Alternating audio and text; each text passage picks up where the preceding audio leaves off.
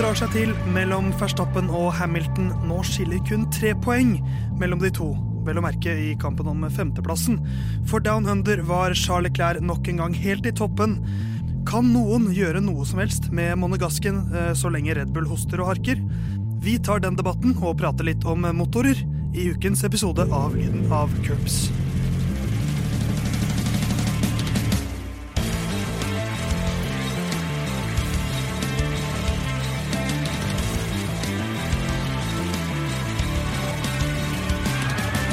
Der var det påske, gitt, men lyden av curbs tar ikke pause av den grunn. Vi skal oppsummere Australias Grand Prix og kikke litt på hva annet som rører seg i Formel 1-verdenen. For du hører på lyden av curbs, Radio Novas eget Eh, program om Formel 1 og en podkast også om Formel 1 Theis, er fremdeles mitt navn. Og Jon Halvdan med bindestrek i midten, du heter fortsatt det, gjør du ikke det? Jon Halvdan? Jo, jeg heter fortsatt det. Ikke skifta navn. Eh, ikke, kommer i hvert fall ikke til å skifte navn til Red Bull eh, nå etter denne helga. I hvert fall ikke med det første. Eh, Politisk satire, på en måte? Ja, litt, eh, litt frustrerende sånn eh, helga ble. Spesielt siden søndager pleier ikke jeg å stå opp før klokka sju. Ja, for du gikk for den. Det var ja, det jeg skulle spørre om, nemlig hvordan går det med døgnrytmen? Eh, nei, det går jo greit. Ja. Eh, men eh, det, det, føles liksom Sist gang jeg sto opp, så vidt jeg kan huske, var til Japan Grand Prix i 2019. Ja. Og da brøt også Max Verstappen og Red Bull ja. en forferdelig helg. Så det var liksom ikke Jeg skal slutte å stå opp tidlig til løp. En slags Jon Halvdan-forbannelse med bindestrek mellom alle ordene der. Herman, et spørsmål til deg som ligner om det Jon Halvdan fikk. Hvordan går, det med, hvordan går det med din døgnrytme? Det går bra. Jeg tar jo avstand fra å snakke om søvn, døgnrytme og sånn. Du mener vel at det er et konsept konsept som ikke fins. Ja, men Det er så kjedelig. Det, er, det kan godt hende det fins, men det er så gruelig kjedelig. Ja, Men nå er det jo relevant, for det har vært løp i Australia. Ja, men det, døgnrytmen okay, min endrer seg ikke av den grunn. Men jeg sto opp og så det, for jeg hadde jo da noe ansvar som innebærer at jeg må sjekke nyheter eh, jobbmessig i helga. Så hvis jeg da Jeg kunne rett og slett ikke isolere meg. Så måtte jeg se det live, og det kosta for min del, altså. Ja, men Kosta det mer enn det smakte? Eh, nei, det smakte. Det smakte, så det, det, smakte. Ja. det var en innsats med gevinst. Jo Halvdan ser oppgitt ut. Han vet hvorfor det smakte.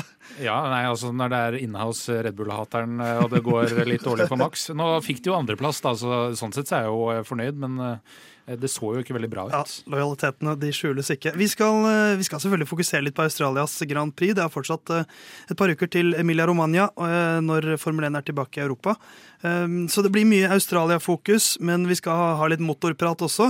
Og Herman, vi, prate, vi har fått inn et køddespørsmål om Ringenes herre, mm. som jeg har forberedt godt, så jeg gleder meg. Du gleder deg sikkert til å høre mitt svar på det? Jeg gleder meg litt til å høre ditt svar på det, for der er du jo faktisk altså nerd. 100 ja. nerd. Yep. Så det blir jo en slags fagprat å høre deg Eh, eller det blir din fagprat, da, å høre det svaret. Det blir min fagprat. Eh, og mer fagprat om Australias Grand Prix, eller mer køddeprat da, om Australias Grand Prix, det får du om noen få strakser.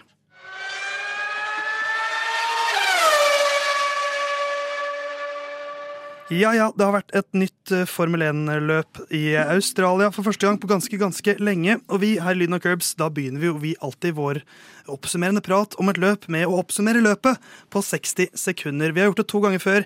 Jeg klarte det veldig dårlig første gang. Eh, og så gjorde vi det konkurranse etter det, så da kom jeg veldig dårlig ut av det. For da hadde jeg lagt mer arbeid i det. Jeg bomma med 23 sekunder. Jon Halvdan han bomma bare med tre sekunder forrige uke. Og Herman, denne gangen er det din tur som skal oppsummere Australias Grand Prix. Er du klar? Ja, det, jeg, altså jeg, tror kanskje sånn internt så var det forventa at jeg nesten skulle ta det på sparket, men jeg har skrevet ned, ned noen ord. Ja. Eh, så jeg skal lese et manus, rett og slett. Ja. Og jeg er eh, klar, men jeg vil ha en sånn klar, ferdig, gå. Ja, du skal, selvfølgelig om du skal få en klar, ferdig, gå. Er du klar? Eh, jeg er klar. Da tar jeg tiden. Klar, ferdig, gå. Australias Grand Prix, eller giddaløs Grand Prix, fordi Charles Leclerc gidder rett og slett ikke å tape i noe om dagen, tar pole position, leder samtlige runder, vinner og tar fastest lap.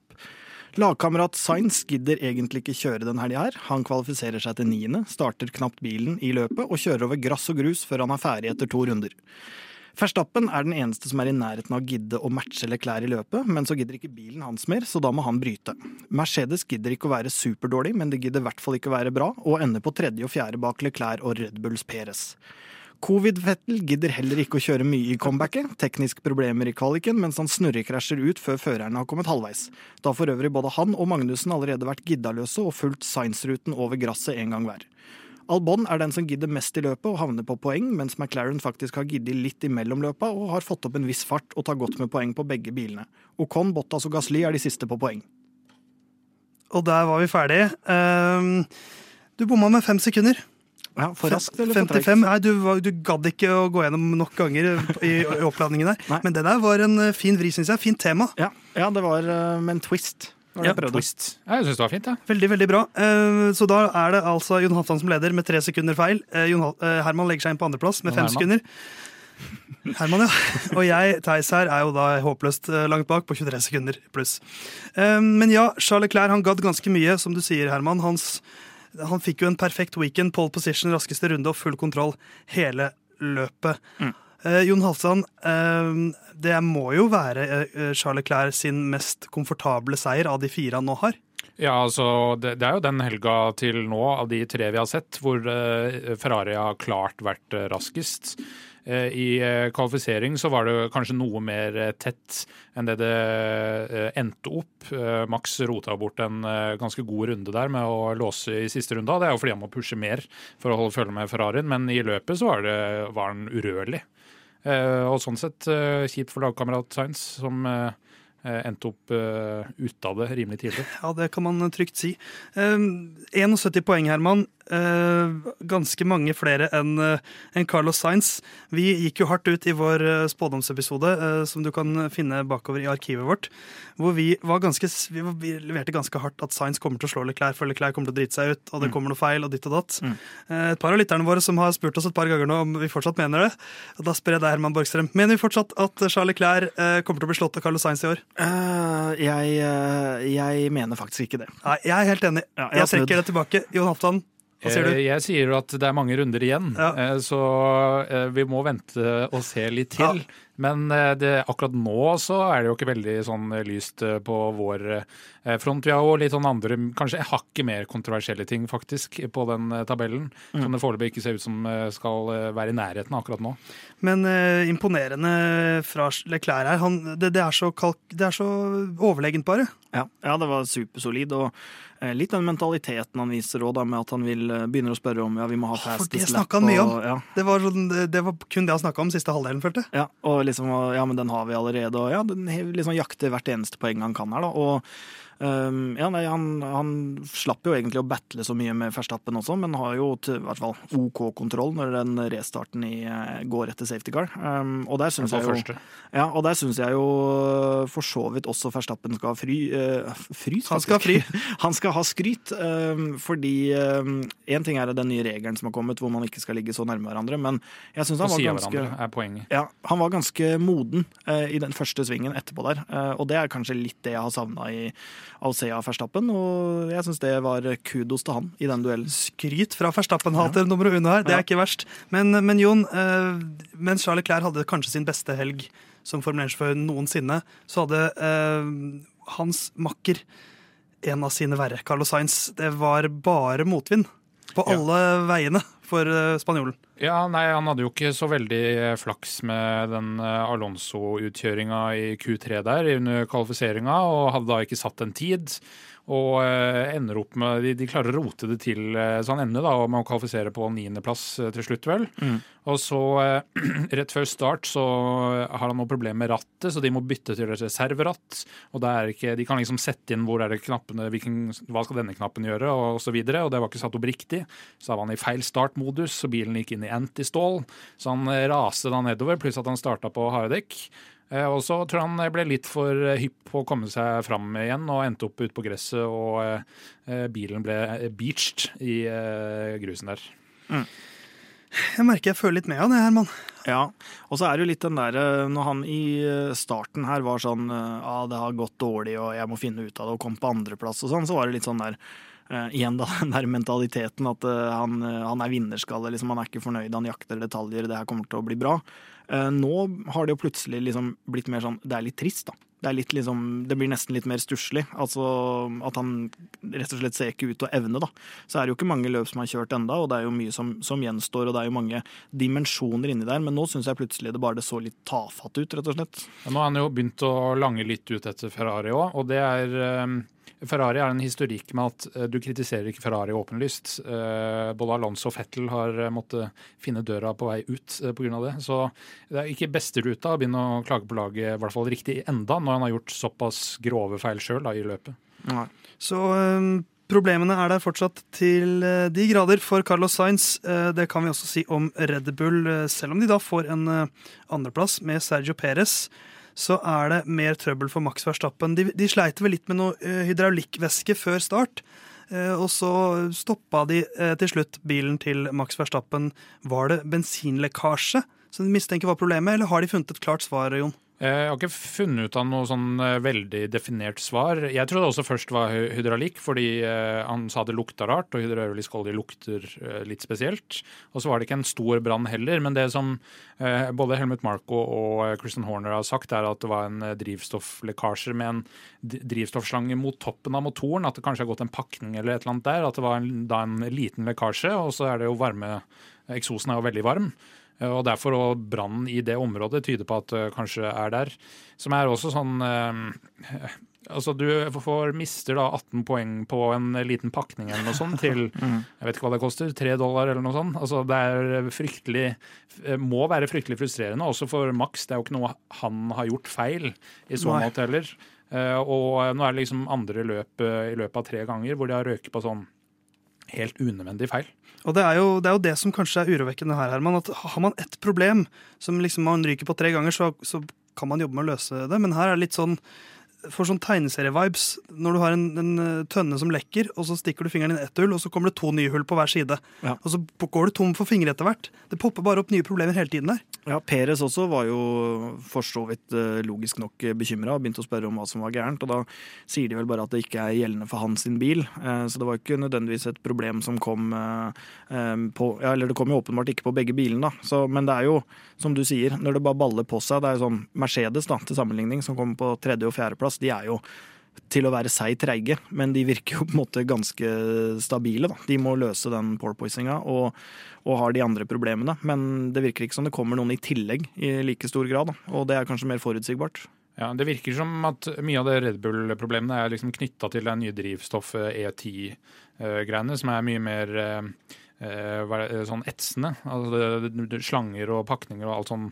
Som man jo da skulle tro at det har de funnet ut av, men uh, nå får vi se om uh, Honda slash Red Bull klarer å finne ut av hva som er liksom problemet. fordi sånne her surr på det som det her er liksom fullstendig unødvendig. Ja, så da, da har jo, nå, nå er jo Max Verstappen gått ut og sagt at jeg har ikke sjans. Nå, jeg har ikke sjans i VM, så er jo det selvfølgelig litt Hva var det Toto Wolff sa i fjor? At en DNF er det vi trenger, så er vi tilbake.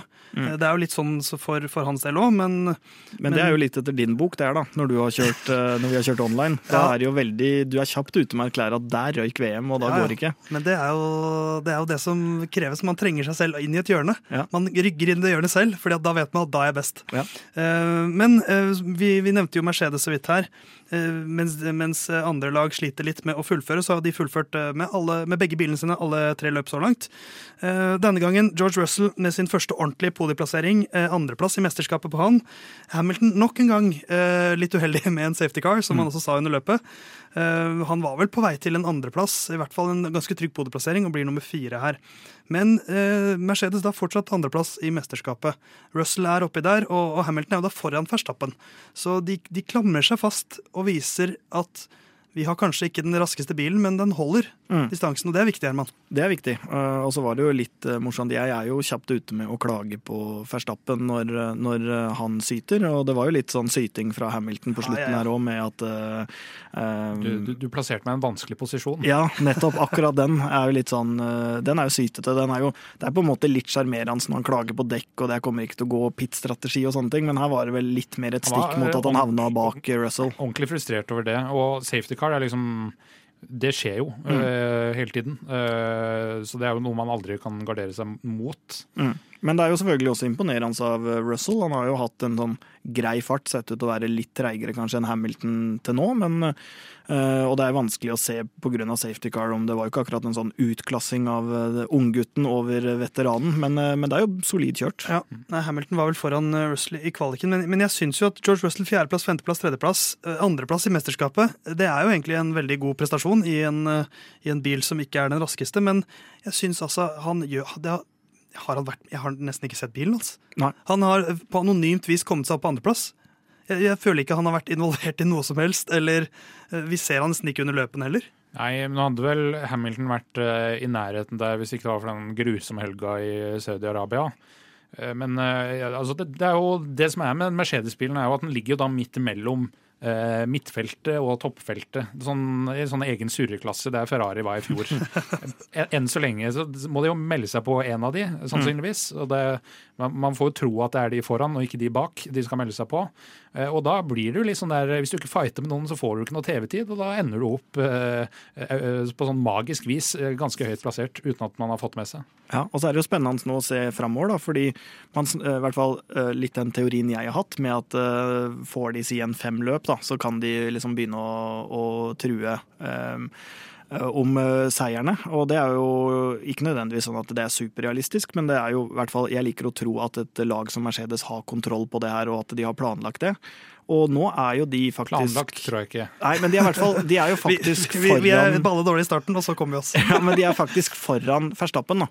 Eh, så hvis man liksom Så de har drevet og fikla med bilen til Red Bull? Det, er, det, det, er, det, er Rudolf, det er jo Rudolf Blodstrup-Moen-taktikken. Ja, ja, det er bare å skjære litt i den eh, fancy greia til Rudolf-felgen, så går, kjører, ordner det seg. Jeg hater flåkrypa.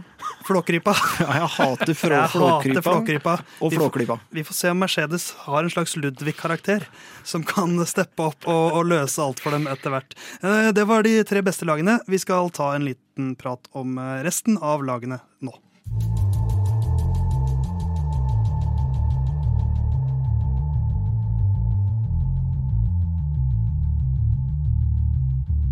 Topplagene tok seg av de feteste poengsummene denne gangen også. Men the, the great almost man of uh, Australia denne helgen, det var jo Fernando Alonso. Han uh, kom uh, ganske langt bak i løpet, ble vel nummer 17 eller noe sånt.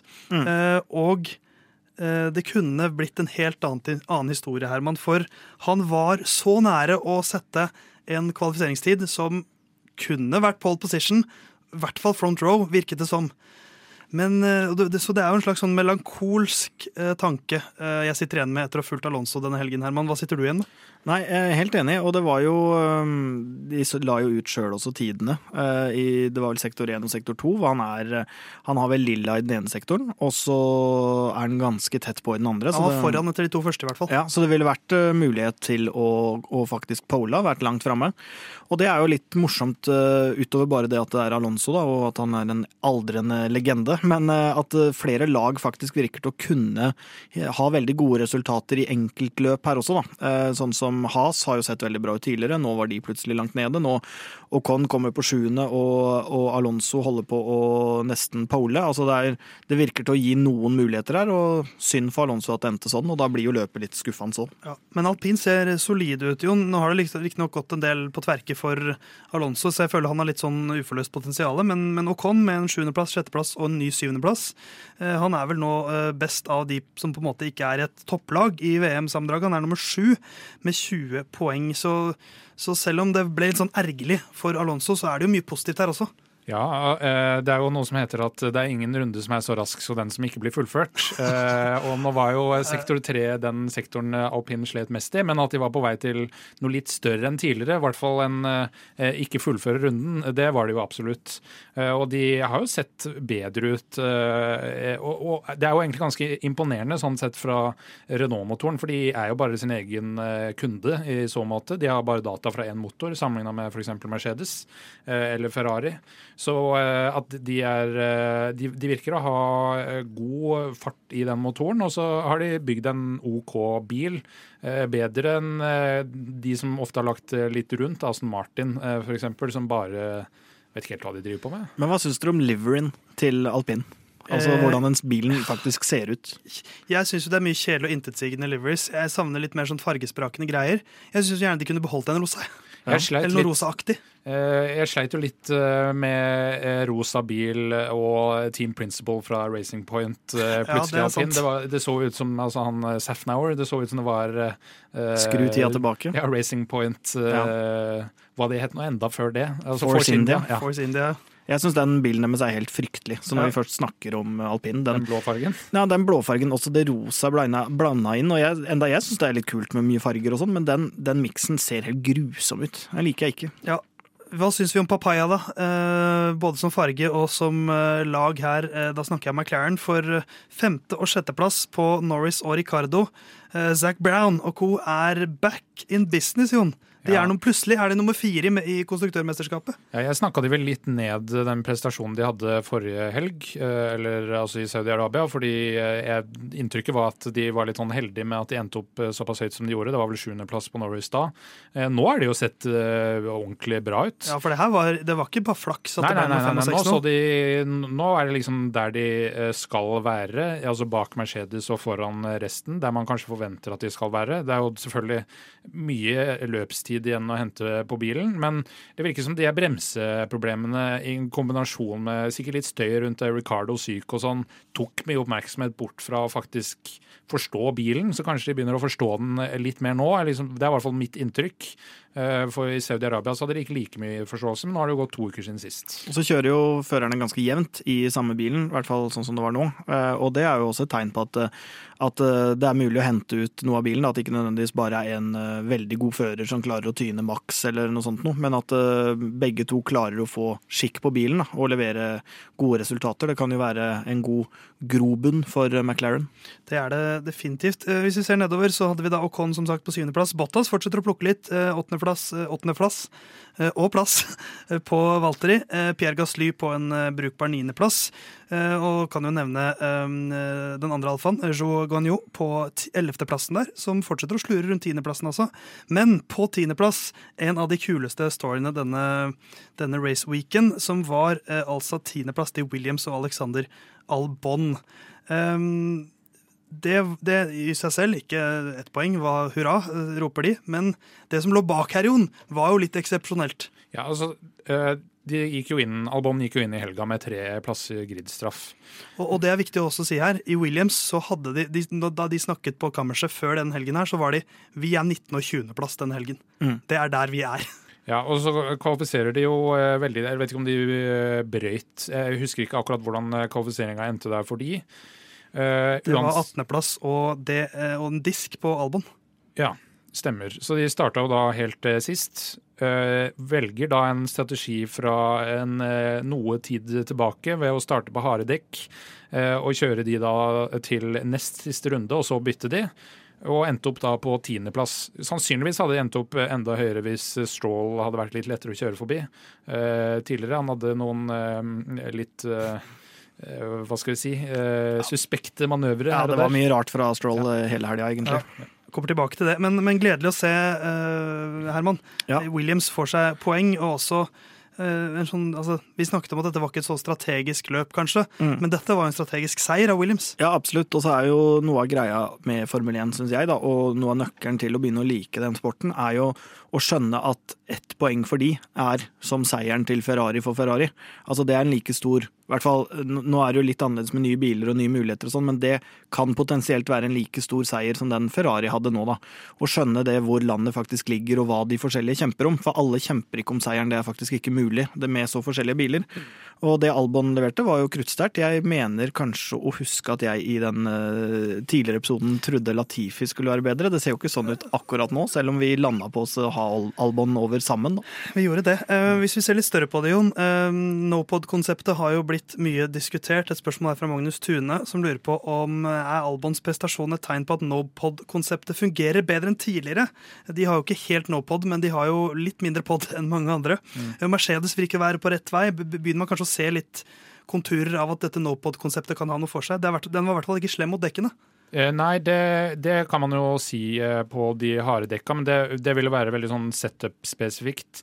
Det er jo nok litt flatterende den strategien de kjørte her, som gjør at de kommer opp eh, såpass eh, høyt opp som de gjør, gjorde, i kombinasjon med safety car. For uten de så hadde de jo slitt med å holde plassen der oppe. Og så Sammen med Mercedes blir jo flattert av safety car. De hadde endt opp et minutt bak Ferrari.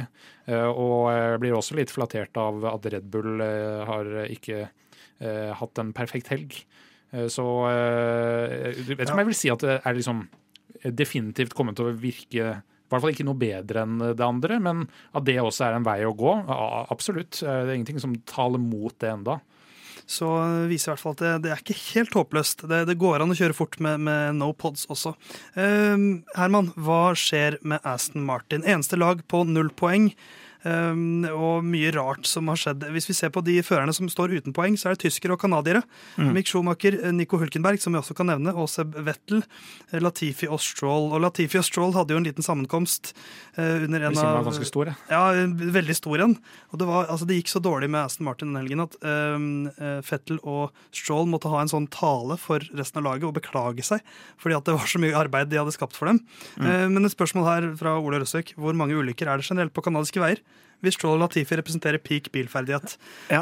Um, du trenger ikke å svare nøyaktig på det spørsmålet, Herman, men hva skjer med Aston Martin? Nei, Ditt favorittlag ja, med Stroll på toppen. Hva skjer? jeg syns de er kule med, med, far Stroll der, uh, men det er vanskelig å si. Og det er jo kanskje litt sånn man kjenner igjen fra man har spilt uh, online sjøl òg. Jeg skjønner at det ikke er å sitte i en Formel 1-bil, men hvis man sitter i en litt dårlig bil, ting går dårlig, så blir man ofte mer desperat. Da, og tyr blir mann, eller blir du? Uh, mann blir det. Blir mer desperat. Uh, vi skal ikke glemme komme på inneren-Theis her heller. Jeg har hatt mine hendelser ja. altså, i vår online-spilling. Så man, man, blir kanskje litt mer desperat, da, og det er naturlig å tenke seg at det overføres til Formel 1, selv om det er profesjonalisert og alt det der. At de, at de rett og slett ja, prøver å hente marginer hele veien. Da. Og da blir det over gresset og ut i grusen, og det blir kanskje å følge med på andre ting enn å kikke i speila og, og liksom ha den totale oversikten. Altså, det virker som de famler litt i blinde, og jeg trodde kanskje de skulle bli bedre eh, etter den her nye, nye regelendringa med Lawrence Stroll, som er en sånn bra Virker til å være en bra businessmann og liksom skulle gjøre butikk ut av det her og få et vinnerlag, og så er de liksom ikke i nærheten engang. Nei. Jeg må, må, nesten stille litt spørsmål ved For de hadde jo Otmar Safnauer som eh, team principal i Aston Martin, og, og eh, altså helt tilbake til Force India og Racing Point og ja, alle de andre navnene de har hatt. Uh, og han har vært en sånn maximizer de har fått til, Som Racing Point så fikk de til overraskende mye med lite penger. Mm. Uh, og så velger, velger, da Lawrence Stroll å pælme han ut rett før sesongen starter. Som ikke er et godt tegn i utgangspunktet når personell skiftes kort tid før sesongstart. For det er ikke det tidspunktet du vil bytte ut noen. Og så har du, eh, og mye her går nok også på ferdigheter, fordi Stroll er ikke en han er ikke en av de 20 beste førerne i verden. Eh, sånn er det bare. Mm. Og så Han mister han fullstendig oversikt der, uh, i kvalifisering der, og gjør en hodeløs manøver som han prøver å uh, kaste på Latifi etterpå. Og så har du Fettel, som nesten ikke har kjørt bilen. Og det er veldig mye vanskeligere å kjøre den bilen her, fordi Tidligere så kunne du ha noe eh, bremse inn på vei inn i sving, men hvis du, hvis du står på bremsa nå og begynner å svinge, så lokker du eh, fronthjula. Så han har liksom slitt rett og slett med bilen, nesten ikke fått brukt den i trening, ikke kjørt på to løpshelger, bare testa i testing.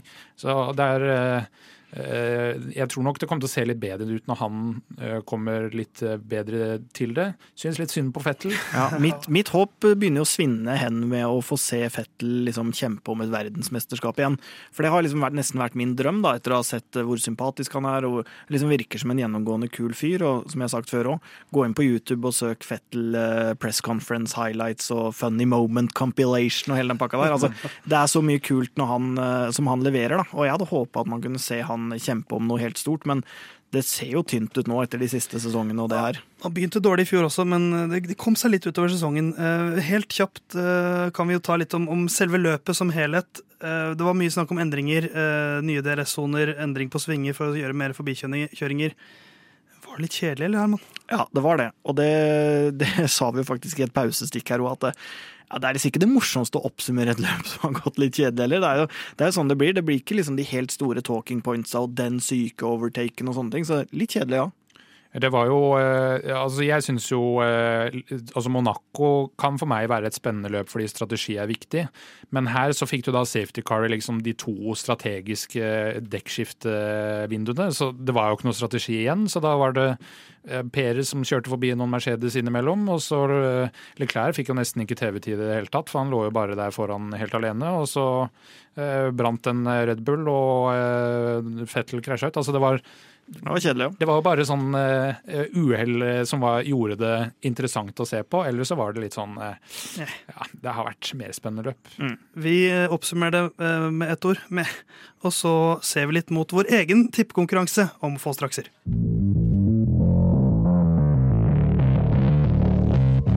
Formel 1-gutta de elsker å konkurrere. Vi er ikke like gode til å kjøre bil, så vi må finne andre plattformer å konkurrere på. Og det har vi jo da klart å få til i eh, forbindelse med Formel 1. Vi har en egen tippekonkurranse her i Lyden av Curbs, hvor Jon Halvdan, Herman og meg, Theis her, vi leverer topp tre tips til hver, eh, hvert løp. Og en sånn eh, hendelse of the day, moment of the day-tips, som er et tips om at noe spesielt skal skje. Så et Excel-ark er vår bane? Excel-ark er vår bane. Og Herman, det har gått ganske bra for deg. Vi kan, vi, kan, vi kan, ta mitt tips først, i og med at jeg ligger sist. Jeg har tatt ti poeng. Vi har da eh, fem poeng for å tippe riktig posisjon eh, av en av de topp tre. Så får man ett poeng for feil eh, hvis du har på en måte Leclerc på andreplass når han vant. Og så får man tre poeng hvis man har tippet riktig eh, spesielle hendelse. Jeg tippa Science, Verstappen, Leclerc. Mm. Det blir ett poeng på det, ja. Eh, og så tippet jeg Bottas slår en Mercedes-bil som fullfører. Eh, han eh, gjorde det bra, Walter, syns jeg, nok en gang, men det holdt ikke med åttendeplass denne gangen på Bottas. Så da blir det da fortsatt ti poeng på meg. Jon, du hadde førstappen Leclerc Science. ja, det var jo ett poeng, da, ja. i alle fall. Det så ikke ut til at det kom til å bli riktig uansett før DNF-en der, men jeg syns kanskje at det var enda grovere, den eh, bommen på eh, Helgas øyeblikk, som var begge hasene topp åtte. Ja, og det blei en solid 13. og 14.-plass der på Schumacher ja, og, og Magnussen. Men, men det, er, det, er, jo ganske nærme åtte, da, så ja. jeg syns jeg kan få for den. Jeg syns du nesten kan få minuspoeng, så nå skal du være forsiktig. Mens du, Herman, du, vi kan ikke gi så mye minuspoeng. Vi hadde jo alle tre de samme tre på vår topp tre-tips, men i forskjellige rekkefølger. Herman traff med Leclerc Science Verstappen. Uh, du traff med Leclerc, da. Se, mm. se, på, se på, det gliset der, Jon. Ja, han, har sittet og smi, Du har ikke sagt et ord, Herman, de siste minuttene, men du har altså sittet med det største smørbukkgliset jeg har sett. ja.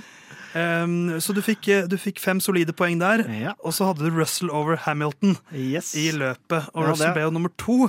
Uh, nei, nummer tre, mener jeg. Uh, og Hamilton ble nummer fire. Mm. Det er over, det. Det er over, Så du fikk tre poeng der. Totalt åtte poeng, og da er du oppe i 26 poeng. Herman. Ja, Og luka ned til neste dag igjen. Nei, den er på 11 poeng, den. Ja. Uh, Jon Halvdan med 15 og Theis med 10. Ja. Men det er jo mulig å ta Er det 17 poeng per runde? Ja, det er vel maks Nei, 18, for du 18? kan få riktig topp tre. Og så da, da har du 15 poeng, og tre poeng ekstra for riktig hendelse of the day. Ja, så det er jo bare én DNF på han ja. uh, unna. Så som, er vi med, med, med, i det igjen. Som Toto Wolff sier, uh, alt vi trenger er én DNF, så er vi med i dette igjen. Ja. Men, men, eh, jeg prøvde meg jo på en litt sånn kreativ rim og sette science først, for jeg tenkte at nå er jeg sist. Jeg må, jeg må hente poeng her. Mm. Kommer du Jon Halvdan, til å benytte deg av denne strategien? Fordi jeg er sist? Nei, du er, fordi at du er nest sist. Du har 11 poeng opp til Herman. Er du redd for at han skal dra ifra? Jeg vil jo heller prøve å gjøre det riktig, da. Så jeg må passe på å tippe vi må, vi Du må begynne å tippe riktig, rett og slett. Ja, og så gjør vi jo det hver for oss. da, sånn at man, For han kan jo ape resten av sesongen. Eh, etter oss to så vinner han jo. Eh, så eh, det må vi jo passe på. At han ikke jukser seg til en sammenlagtseier her. Nei, Det er ingen fare for det. altså. Jeg, det er ikke akkurat sånn at jeg, jeg, ser på deres spådommer så langt og tenker at det her er noe jeg må kopiere. Altså, Jeg er elleve poeng foran. Det burde i så fall gå andre veien. Så her bare sånn at vi setter liksom litt standarden her. Ja, Men du er jo en cocky fyr, Herman. Så ja. er du redd for at du skal bli for høy på deg selv? Uh, Complacent, som de sier så godt på norsk. Nei, det er jeg egentlig ikke. For jeg, jeg mener jo, uh, for å fortsette den, jeg mener jo at jeg har bedre selvinnsikt enn jeg har selvtillit. Ja. Og det holder det i sjakk. Ja. Typisk. Uh, ja, vi, vi, lar det bli siste ord i vår spådom. Vi skal se litt på Vi skal prate litt om motor, rett og slett. Det er viktig i motorsport.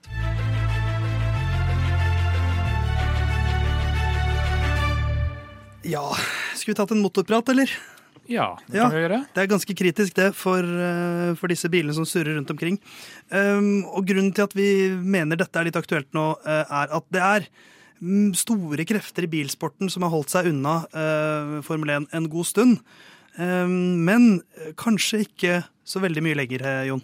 Ja, altså det har jo vært en ambisjon lenge for Formel 1 å få inn flere enn de eh, fire motorprodusentene de har i dag. Ferrari, Mercedes, eh, Red Bull, Honda og eh, Renault. Nei, du, de heter ikke Red Bull Honda, de heter Red Bull når det går bra, Honda når det går dårlig. Ifølge Christian Horner, i hvert fall. Ja, nei, Red Bull Powertrains er det jo. Men, ja, men han kaller de Honda når det går dårlig. Ja, Ganske konsekvent. Det er jo, I praksis er det jo innleid arbeidskraft, fordi Honda skal vedlikeholde den motoren på kontrakt for Red Bull helt fram ut 2025. og det, det er jo nye motorregler fra 2026. Så det er det vi snakker om her nå, da.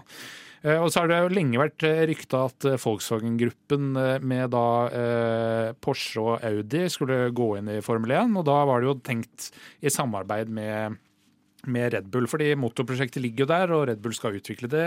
Og det ville vært en liksom enkel, litt billig vei inn. Men så er det da i helga blitt sånn det virker som at de da vil kjøre to uh, forskjellige motorprosjekt. Det ene er med Porsche. Uh, vi samarbeider med Red Bull uh, og bygger den motoren. Og så er det Audi som vil inn med et helt eget motorprosjekt. Og det er jo en vesentlig større pengeinvestering og motorinvestering enn det det er å bare overta et prosjekt sammen med noen som har gjort halve jobben. Ja, ikke sant. Og det er jo så, så er det alltid en liten caveat her, at, at det har vært prat om både Porsche og Audi veldig lenge. Ja, nå, og det har ikke skjedd noe? Nei, man ja, nå vil jo ta ut den der eh, MGUH-delen av motoren, som er, liksom det, som er veldig vanskelig å utvikle og ikke har noe bruksverdi i, eh, på veiene sånn ellers. For det er jo liksom argumentet til Formel 1 er jo at eh, det vi utvikler her, det skal brukes i biler om fem til ti år. Mens den eh, MGUH-delen, som er eh, bruker, genererer strøm gjennom varme eksoskasser, den skal bort fra 2026. Så derfor vil eh, er, er liksom Det virker å være liksom mer på gang, men man vet jo aldri. Jeg mener også at det ble sagt at Volkswagen ikke skulle inn i noe som ikke var helelektrisk eh, når det gjaldt motorsport for noen år siden, men eh, de øyner vel en mulighet her, da. Det er mange som har spist egne ord tidligere. Um, som Jon sier her, Herman, det er, en, det er, fire leverandører av motor akkurat nå. Mm. Um, hva tenker du om at vi kanskje kan få flere? Hvordan tror du det vil påvirke sporten? Uh, nei, det kan jo Det kommer litt an på hvilken form det her tar, da. Um, kanskje form L1? Uff, den er sterk og svak på en måte samtidig. Samtidig, Det er meg oppsummert, det.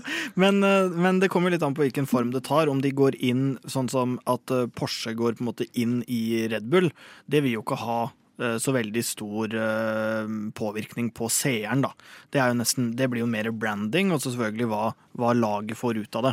Men det er jo mer sånn hvis, skal, hvis de skal gå inn i f.eks. Sauber da, eh, og være en del av det og utvikle eh, motor der, at de skal gå vekk fra Ferrari som de har nå, så, så vil det være en større påvirkning, og de har jo mer påvirkningskraft. Eh, mens hvis de, skal, hvis de skulle opprette et helt nytt lag, som kanskje ikke er så aktuelt uansett, men så, så vil det jo være plutselig et ekstra lag i Formel 1. Så det kommer jo an på form og måte det blir gjort på her, da. Ja, altså du har jo eh, et eh, lag som lenge har vært Mercedes-kunde eh, i Williams, som er har Jost Capito, som har ganske gode kontakter i Volkswagen-gruppa. Og eh, hvis eh, Porsche går inn i det der Red Bull-prosjektet med liksom eh, Red Bull og da Alfa Tauri i praksis, og så Audi kommer inn med en ny motor, så vil de gjerne da ha navnet sitt på en bil. OK, mm. vi kjøper Sauber, men vi vil gjerne også ha samarbeid med noen flere, så kanskje Williams får seg Audi-motor framfor Mercedes. Det er jo noe man kan se for seg skjer når det blir nye motorer fra 2026. Mm. Så, så, tenker jeg at sånn, det, det, man, man, ser jo ofte en trend her at sånn Man snakker jo ofte i, i hvert løp sånn, nå ser vi at alle Ferrari-motorene er superraske på det strekket der det preger jo hvilke lag som ofte gjør det bra.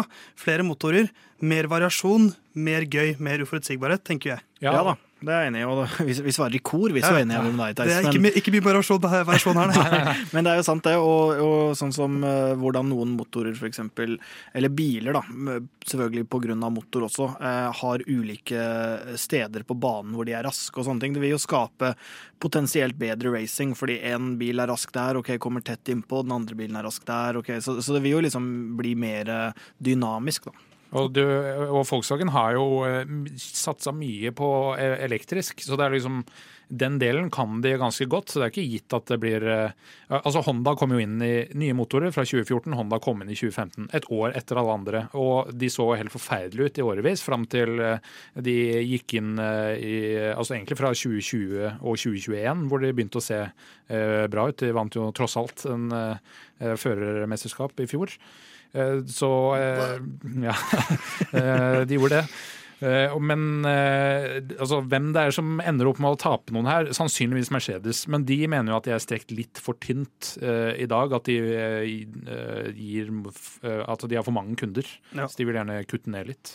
Ja, Mercedes har jo sikkert litt muskler å, å, kunne spa på med de, men jeg, jeg tenker jo det er jo også Porsche og Audi, to etablerte navn også i motorsportens verden mm. i andre deler, så det er jo ikke noe sånn at de, de, er helt fremmede for å lage ting som går fort.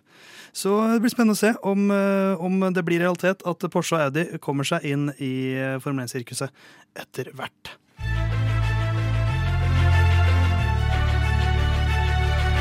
Tre løp inn i Formel 1-sesongen 2022. Da tenkte jeg at det var på tide med en liten fot i bakken for å se litt uh, hvordan er det egentlig det har kommet i gang, hva er det som ligger foran oss, og, og hva, hvordan er det egentlig eh, ståa litt i, i sesongen. Um, Herman, uh, et åpent spørsmål. Ja. Tre løp inn. Hva er det første du tenker på når jeg sier FN-sesongen 2022? Uh, Leclerc uh, overraska har vært overlegen. 1-2-1 er eh, løpsresultatene hans eh, mm. så langt. Altså Sett så bunnsolid ut òg, syns jeg, i løp. Eh, jeg har jo flere ganger, sikkert til Jon Halvdans forargelse, sagt at jeg syns han har sett veldig sånn strategisk lur ut med DRS og de tinga her. Jeg synes, Altså kontra Verstappen, da. Jeg syns han har imponert ekstremt mye. Raskeste runde i hvert løp. Eh, hatt pole i to av løpene. Eh, er det avgjort, Jon Halvdan, for å si et så tabloid spørsmål, Nei, altså, etter tre løp av 23? Ja, nei, det eh, er jo, går litt sånn eh, Det er liksom to ting som eh, driver og krangler litt inni meg. At ikke få panikk enda. Men samtidig som liksom nøkterne altså det er, det er lenge igjen. Altså det er 20 løp til. Men det er jo, han er jo opp mot en som har fullført Han har vunnet alle løpene han har fullført denne sesongen, altså Max Verstappen. Men når det bare er ett, så ser ikke det så veldig imponerende ut. Ja, altså, hvis ikke eh, Ferrari og Red Bull eh, sånn performance-messig er eh, sånn ganske likt. Virker som Ferrari generelt tar litt bedre vare på dekka enn det Red Bull gjør. I hvert fall denne, denne runda her, men jeg kan jo snakke bitte litt mer om hvorfor etterpå. Men Red Bull er liksom ikke Selv om Mercedes ligger der nede og surrer uh, litt uh, mye sånn pace-messig, altså de ligger helt for seg sjøl, veldig solide, men uh, sju tideler tregere enn de som er raskest. Ja. Men det betyr liksom ikke så mye at du er sju tideler raskere og heter Red Bull hvis du ikke klarer å fullføre løpa. altså Da blir det litt sånn det, det, det, spiller liksom ikke noen rolle. Så de må rydde opp i de småproblemene. Og det må de rydde opp i kjapt, for det er mange poeng. Det er litt moro å se det enorme engasjementet. Sånn, det bare gikk rett fra Leclerc imponerte. Bare liksom egentlig faen! Ja, men hvis dette, må Red Bull opp! Ja, men hvis dette skal bli en sesong, sant? Fordi eh, om du tar 12-15-18 poeng, som Mercedes gjør, det er liksom Men når det er vinne eller andreplass eller ikke fullføre, ja. Ja, det, er, altså, det er mange poeng veldig fort. Men uh, Jon prater litt om uh, performance her. Vi har fått en spørsmål fra Ole Røsvik om motorer, som vi prata litt om i stad. Er Ferrari-motoren så mye bedre enn Mercedes? Ferrari-bilen hopper jo nesten mer enn Mercedes på strekkene, skriver Ole. Og Det var mye prat om, om porpoising i sesongen, og mye prat om at det er nøkkelen for å lykkes. Og så er det sånn som Ole sier, at den Ferrarien den hopper veldig mye. Men det går så det suser likevel, eh, Herman. Så det er, jo, det er jo, de har jo bygd et beist av en bil her, selv om den hopper litt opp og ned. Ja, men det er nok eh, sammensatte problemer også. Hvor mye av det her som er motor osv. Det er jo det er jo ikke så lett å si enda. Det så jo veldig stygt ut i starten når alle Mercedes-motorene lå veldig langt ned, men sånn som nå så har jo McLaren kommet seg, og det er jo ikke sikkert at, at det er liksom rein motoroppgradering og, og, det er det eneste som skulle til, på en måte. Så både McLaren og Mercedes ser jo greie ut nå, så det kan godt være at det er helt andre problemer enn en motor òg, men at, at Ferrari og Red Bull har den beste pakka akkurat nå, det tror jeg på. Men hvor mye av det som ligger på motor, det er vanskelig å si, da. Det ligger nok litt i det der at uh, Ferrari altså Red Bull er jo de som klarer å kjøre bilen lengst ned og virker å slite minst med porpoising. Og Ferrari hadde litt i helga, men jeg tror nok de kan kjøre bilen ganske mye lavere enn Mercedes. Mercedes må ofre veldig mye downforce for at det skal være på et levelig nivå. Så selv om det ser tilsynelatende likt ut, så er eh, Ferrari mye, uh, har mye mer av den ground effect-bilen enn det Mercedes har, fordi Mercedes må ofre det. Ja. For ellers så er det ulevelig. altså De kommer til å miste tenna fordi de sitter og hopper inni der. ja, det, er, synes, det, slår meg hver eneste gang man ser et sånn fra den TV-masta på bilen. Uh, når du ser hjelmen mm. til uh, føreren. Det slår meg hver eneste gang jeg ser en Mercedes, f.eks. Stakkars eh, George eller stakkars Louis, tenker jeg da. Mm. For det rister så voldsomt. Men, uh, men av store, et av de store samtaleemnene før sesongen var jo disse nye reglene. Men også nye dekk. og der hadde du et tema du ønsket å prate litt om, Jon. Ja, altså Red Bull på mediumdekka så sleit jo de De, de mista nesten et sekund per runde, og så ut som de ble tatt igjen til Mercedes, av Mercedes før de pitta. Og tidlig i, på fredag så forutså de en annen baneutvikling enn det, de, det, det faktisk ble. Så de gikk ned liksom feil rute. Og da sleit de med det som heter graining foran på venstre fordekk. Og enkleste måten å forklare det er liksom gymmen blir revet litt av og legger seg utapå. Har du drevet på med, Husker dere tida dere drev på med blyant og viskelær? Oh, om jeg gjør. Og da er det det samme konseptet som viskelær. altså Det blir sånne små viskelærdeler, eller gummideler, da, fra dekket på, på utsida av dekket. Så det hopper og sklir rundt. Så det er liksom ikke optimalt for, ja. uh, for uh, å ha grep. Og det var derfor det, det kosta de uh, såpass mye. så har du da Mercedes sleit også med det som heter blistering, som er liksom litt det motsatte. Det ser ut som vannblemmer på dekket, og de eksploderer. Sånn at du får liksom åpne sår i dekket, og samme effekt, altså du får dårligere grep. Og når Red Bull sleit såpass mye med det, så så plutselig Mercedes mye bedre ut. Men jeg tror ikke De har ikke gjort kvantesprang enda, Mercedes. De ligger fortsatt et stykke bak. Ville fullføre langt bak òg. Men hovedproblemet deres vil fortsatt være porpoising, og hvis de klarer liksom å løse det, så vil en del ting være løst, tror jeg. Men der dekka deres vil heller ikke nyte godt av det. Så foreløpig så er det Ferrari som er definitivt best på både dekk og downforce og drivability. Altså de er liksom, Totalpakka er, ja. er, klart best, men, men litt, litt, mer om dekk. Det var, jeg lurer på om det var Alex Albon i et intervju som sa at med dekk så syns han det virka som om ingen visste noe som helst, og at alle bare winga det litt hver eneste helg. Uh, alle lagene. Det er litt sånn Det er litt anarki på dekkfronten um, som virker som preger prestasjonen her også. Og som gjør at vi kan få sånne prestasjoner sånn som Alex Albon her. Så det er jo, det er jo veldig mye nytt denne sesongen, Herman. Uh, det har jo skapt mye spenning også. Mm. Ja, og det er jo noen sånne resultater som man kanskje ikke helt kan spå fra uke til uke, da. Eller jeg kan jo kanskje spå de, men, men ikke dere i hvert fall. Men med Has, for eksempel. Der, altså. ja, men Has, for eksempel, som, som åpna sesongen så bra. Plutselig ganske tafatt nå. McLaren det motsatte. Altså at det blir noen sånne litt overraskelser, da. Så jeg syns jo det er um, litt sånn derre uh, ny start, da. I hvert fall for så mange nyfrelste Formel 1-fans som er uh, i Norge og i hele verden at man får, man får liksom kjenne sporten på, litt på nytt. Da.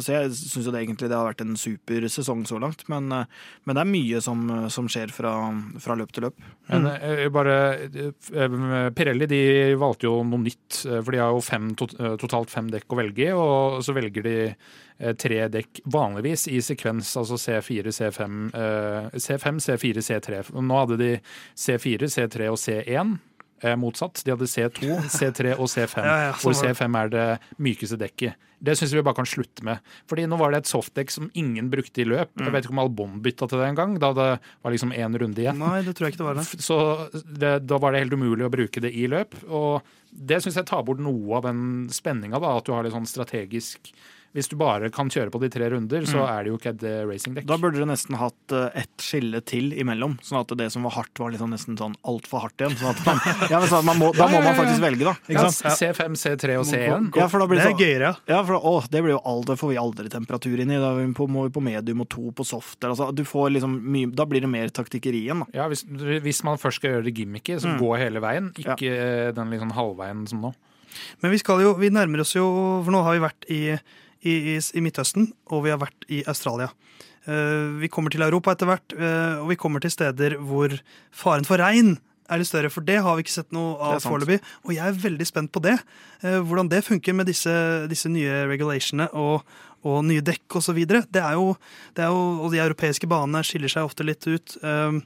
Så det, jeg, jeg merker jeg gleder meg veldig til første løp med regn. Ja, og det er jo fra, fra før av hvert fall kjent til at det kan viske ut litt eh, bil eh, Altså forskjellene på bil, da. The great at, equalizer. Ja, ikke sant. Så at det blir mer Jeg kan ikke se for meg at det, det visker bort alt, altså, men at det blir mer på føreren, da, og hvordan du håndterer forholda. Og det er nok sant, så det, det, blir spennende å se. Og jeg gleder meg jo selvfølgelig ekstra til løpet i Spania, i Barcelona, for dit skal jeg jo se ja, sjøl, så det blir jo stas. Reporter, eller? Yes, ja, jeg skal, jeg skal rapportere dere inn, men da, da, får vi en vikar her, så jeg skal være der nede og kose meg. Ja.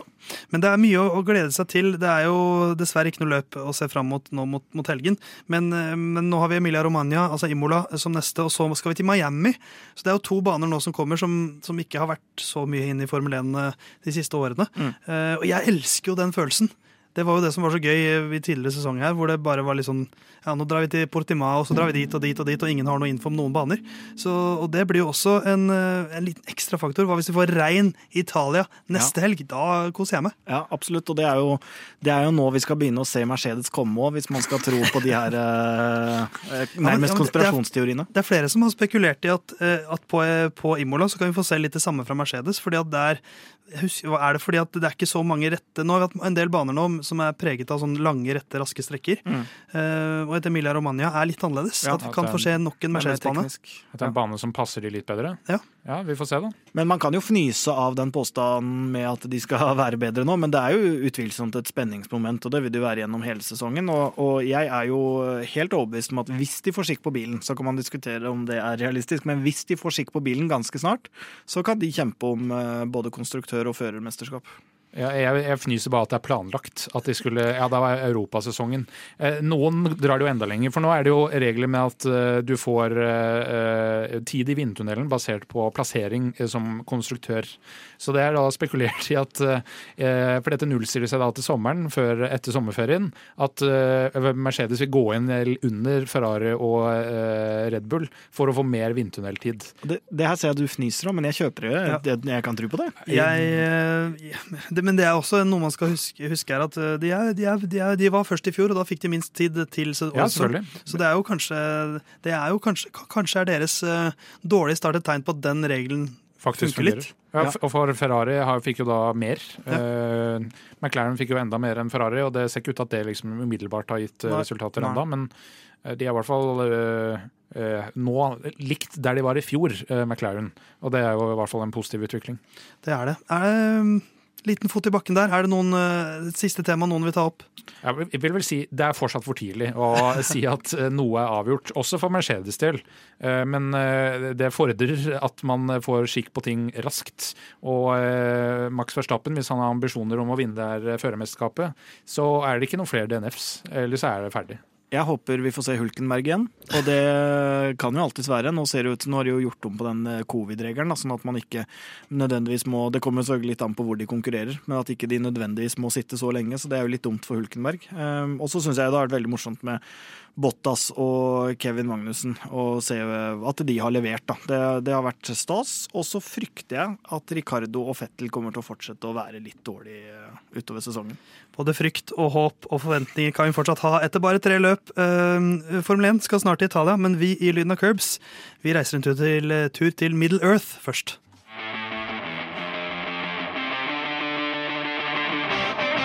Vi drar oss litt mot slutten nå, men vi tar oss tid til en litt lettere tone helt på tampen. Jeg er jo en eh, nerd. Det vet vi at det er ganske etablert. Mm. Noen i studiet som er uenige? Nei. Niks. Så synes ikke. Eh, og I den anledning så fikk vi et spørsmål fra Ole Røsvik som jeg tenkte vi kunne ta. Hvilke førere slash lagledere hadde utgjort de ni i Fellowship of the Ring? Og så skrev han parentes 'vær så god, Theis'. Så det, takk for, eh, takk for um, Oppsparket der. Godt, uh, godt, spørsmål der, Ole. Jeg har jo da gitt, jeg ga meg selv utfordringen. Skal, det er da ni medlemmer i The Fellowship, Ringens brorskap. For de som ikke vet om det, er jo da disse ni kompisene som skal ødelegge ringen til Sauron i Ringenes herre. Det er Frodo og gjengen, ikke sant? Frodo, Frodo ja. and the gang. Jeg kan, kan, jeg gjette på Frodo? Ja. Leklær? Nei. Uh. Men det kunne, eller jo, jo, for så vidt, for jeg har en del hvor jeg har to alternativer, og han okay. var et av alternativene der. Ja. Eh, så kan godt, dere kan godt få bestemme, for jeg har også skrevet Landon Norris. For jeg syns ja, at han, han ja. har en litt sånn Han er den, han er den, som, han er den som ligner mest. Ja, for Frodo er jo en litt sånn øh, Hvis det er folk som ikke har sett Ringenes herre, da. Det er jo en litt sånn skjør type som får et veldig stort ansvar og, og sånne ting. Ja. Eh, og som mestrer det, da, åpenbart. Ja. Eh, begge de to passer i min bok. For jeg føler, at, jeg føler jo at Leclerc har litt mer auraen til å bære Ferrari. Mens Norris, at han er liksom den som skal bære McLaren. Det overrasket meg litt. Han, han, ja, og akkurat som Frodo bar ringen. Han ja, klarte det, han. Ja, det, ja. Uh, jeg, jeg, støtter Norris. Så vi går for Norris der. Uh, Sam, der er to alternativer der også. Carlos Sainz.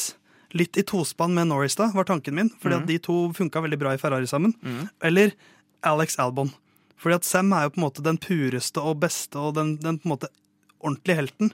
Og den hyggeligste karakteren i Ringenes herre. Og Albon er jo den hyggeligste karakteren i Formel 1-sirkuset. Kanskje. Mm. Ja, ja, jeg... Har dere noen andre kandidater, eller er det Science og Albon? Nei, er, jeg tenker at det er best at med mindre man, man har noen åpenbare innspill, så, så, tar vi nok utgangspunkt i det du har. Og jeg, da stemmer jeg Albon, fordi jeg syns jo Science har jo kanskje litt mer sånn kompetitivt ja, eh, Han har litt si. mer edge? Ja, det, selvfølgelig har Albon det også, men sånn som det har vært det nå i karriere og sånn, så, så, holder jeg Albon på den. Ja, enten, altså, du må være liksom en støttende person som er sånn der eh, Ja, dette går bra og sånn, så det må enten være Albon eller race engineer til Mick Schumacher. Ja. Eh, så ja. eh, blir, hvis det skulle være førerne, så da blir det Albon. Ja. Uh, Pippin, Yuki Sunoda. Den syns jeg er perfekt. For Pippin er på en måte en liten sånn, litt sånn snurrig karakter som egentlig ikke helt skjønner hva han gjør i sirkuset. Ja, men, men, så, men, så, men, så, får han det liksom til likevel, og bidrar ganske mye. Og Sunoda er en bitte liten fyr som bare er sånn loller rundt og gamer ja. på kvelden og sånt. Og så som plutselig... oppriktig oppriktig hater fysisk aktivitet, ja. men skal være i Formel 1. Og så forsvinner han jo i deler av på en måte, filmserien, ja. uh, hvor han ikke er med så mye. Og sånn er det jo noen døde på. Så plutselig kommer han og stabber det, og noen, og så hjelper han noen folk, og så går det bra, med, bra til slutt. Så det blir Yuki. Ja. Uh, Mary er jo på en måte makkeren til Pippin. Mary er jo en kar som er litt mer verdensvant, litt mer sånn klok, også, men fortsatt en kødden type. Mm. Så en, en, kar med erfaring, men som kødder, det er Kevin Magnussen. Er ikke, er ikke, han litt traustere enn det? Jeg synes han er så køddete. Han, han, er ganske køddete. ass. Har du sett den giffen hvor han, uh, han vet han er på kamera, står ved siden av en mekaniker, så slår han mekanikeren i balla? Ja, nei, det, det har jeg ikke Og så er det jo noe med den der uh, krangelen han hadde med Hulkenberg og sånn. Altså, du, man kan si at det er, ikke, det er ikke nødvendigvis med et glimt i øyet, men du har jo en uh, tendens til å i hvert fall by på deg sjøl, ja. så det er jo noe. Det blir Kevin. Gandalf, der har jeg sagt Sebastian Fettel. For han er gammel, vis og klok. Og snill. Ja, jeg vurderte ja, han eller Alonso, Alonso, men Alonso er for sur. Ja, han er med ja. Denethor. Ja. ja. han er ikke der, det er jeg enig i. Så det blir, det blir Seb. Uh, Aragorn, som er jo kongen, uh, the, the, king, the, altså the coming king, den på en måte edleste av mennene. Der har jeg sagt Louis Hamilton, ass. Han er jo kongen. Altså Return of the King, det er årets sesong, er det ikke det, Jon Halvdan? Uh, ja, nei, det er jeg jo enig i, men uh, det er jo ikke uh, så mange andre alternativer nei, her. Den, som, altså den, den, beste av oss. Ja, i hvert fall en, altså, Med de som er der nå, ingen andre kandidater som ja. er i nærheten.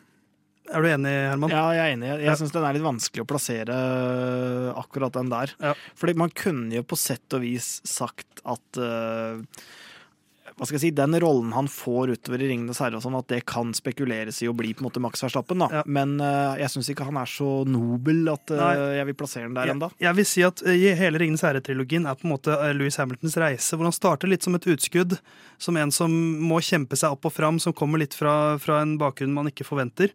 Og så er han mot slutten den største og beste som bærer hele verden mot ondskapen, som i denne metaforen er rasisme. Okay. Boromir der har jeg skrevet Herman Borgstrøm ja. uh, for din, hele din personlighet. Men jeg har også to andre kandidater. For Boromir er jo en sterk og stor mann som er god på bunn, men som har en slags edge som Aragorn ikke har. Så jeg har skrevet enten Max Verstappen eller Fernando Alonso. Jeg vil nok si at uh, Alonso er uh, hakket mer passende til Fordi han skal være Han har vært her før. Eh, kjenner godt til det landskapet som eh, Louis eh, jeg har trådt i lenge, da, men han var der før Louis også. Hva med, hva med Horner, da? Eh, han, han, han, han, kommer jeg tilbake til, Herman. Ja. Skjønner. Han kommer jeg tilbake til. ja, men, eh, men, det er jo den, det er noe med den edgen eh, også, men den derre god på bunn, han går jo av Da må man jo spekulere litt i at eh, hva skal jeg si, det blir en mer modenhet i Verstappen og sånn, for ja. han går jo faktisk av med flagget til topps, Boromir, etter ja. en eh, litt voldsom seanse. Så det, hvis man legger til grunn at det blir mer modenhet, så er den, tenker jeg den er gått innafor. Så lander vi på hvem av dem? Nei, da tenker jeg Max. Ja, jeg stemmer Alonso. Da er det jeg som bestemmer. Da går jeg for Max. Jeg, jeg, jeg føler at han kommer til å ha den Boromir-arken gjennom sin karriere. Ja, men Jeg syns det er det Alonso har hatt nå. Han ja. har gått fra å være sånn kranglefant ja, til å eh, gå ned med da, da Nå skal han gå ned med flagget til topps. Da sier vi at de kan være der begge to. Gimli Walter Bottas. Ja, det bare, føl, det bare føles Nei, det riktig. Ikke, ja. Han ser jo altså så direkte feit ut. Altså, det er stein i glasshuset og alle de tinga der, men han, han, ser jo altså direkte feit ut. Og så går han ut av den bilen, og så er det bare han har en sånn voldsom liksom, han er jo megaslim. Ja, ja det, han er drittynn, men har en sånn kjeve som er sånn kraftig. Nakken, som, ja. som, jeg tror overbeviser oss. Men uh, da har vi én karakter igjen. Det er Legolas. Det er godt for de to mest alvaktige i Formel 1-sirkuset, som er enten George Russell eller Esteban Ocon. Fordi de er også veldig høye, begge to. Der liker jeg, likte jeg Russell veldig godt. Ja. i den. For han er også sånn Alt han gjør, bare er med en gratie og letthet som uh, virker provoserende lett. Ja, er han, det er sånn uh, umiddelbar refleksen min der er eller klær. Ja, faktisk. Vet du hva? Vi tar en alvetrio. Uh, ja. For det er nok av alver i, i, Middle Earth, så George Russell, Esteban Ocon og Charlie Clair, alle tre, er Legolas. Og så har jeg et par uh, jokere til slutt. Gollum, det er Nikita Mazepin. Og, uh, og Christian Horner, han er selvfølgelig Grima Ormtunge. Ja, selvfølgelig. det er det ingen tvil om. Ja. Uh, så det var min liste over, over Fellowship of the Ring-karakterene. Send oss gjerne flere Ringens herre-relaterte spørsmål. Uh, hvor kan man følge oss, eh, Jon, og sende oss inn spørsmål? Uh, det er jo enten da lyden av Curbs på Instagram, post at curbs.no, eller curbs.no. og det kan vel også gi ut privatnummeret til Herman, kan ikke det? Da tar vi det kjapt, Herman. 4046 412. Ja. Uh, og dette var uh, denne episoden av Lyden av Curbs. Neste uke så skal vi se fram mot Imola, og det gleder vi oss til, Herman. Det gleder vi oss Selv om du kanskje ikke skal være med neste uke? Uh, det er touch and go om ja. jeg får det til eller ikke. Så der må vi, uh, og, det, tar vi jo nå da tydeligvis på lufta, der må vi se hva vi gjør. Om, ja. vi, om vi, får inn en vikar som eventuelt blir en gjest, ja. eller om vi skal planlegge det helt. Det må vi se. Vi får se. Uh, men vi, vi gleder oss. Av lufta, ja. Så vi ønsker god påske, og ønsker deg en strålende uke. Og kos deg med påske og ski og det som er, og med lyden av curbs. og hvis du syns det er ålreit å høre oss prate om Formel 1 og, om Ringenes herre relatert til Formel 1, så si gjerne til en venn at sjekk ut den podkasten her. Det er gøy å høre på, og det forriker mitt Formel 1-liv. Så hører du mer av oss neste uke før Imola. Ha en god påske.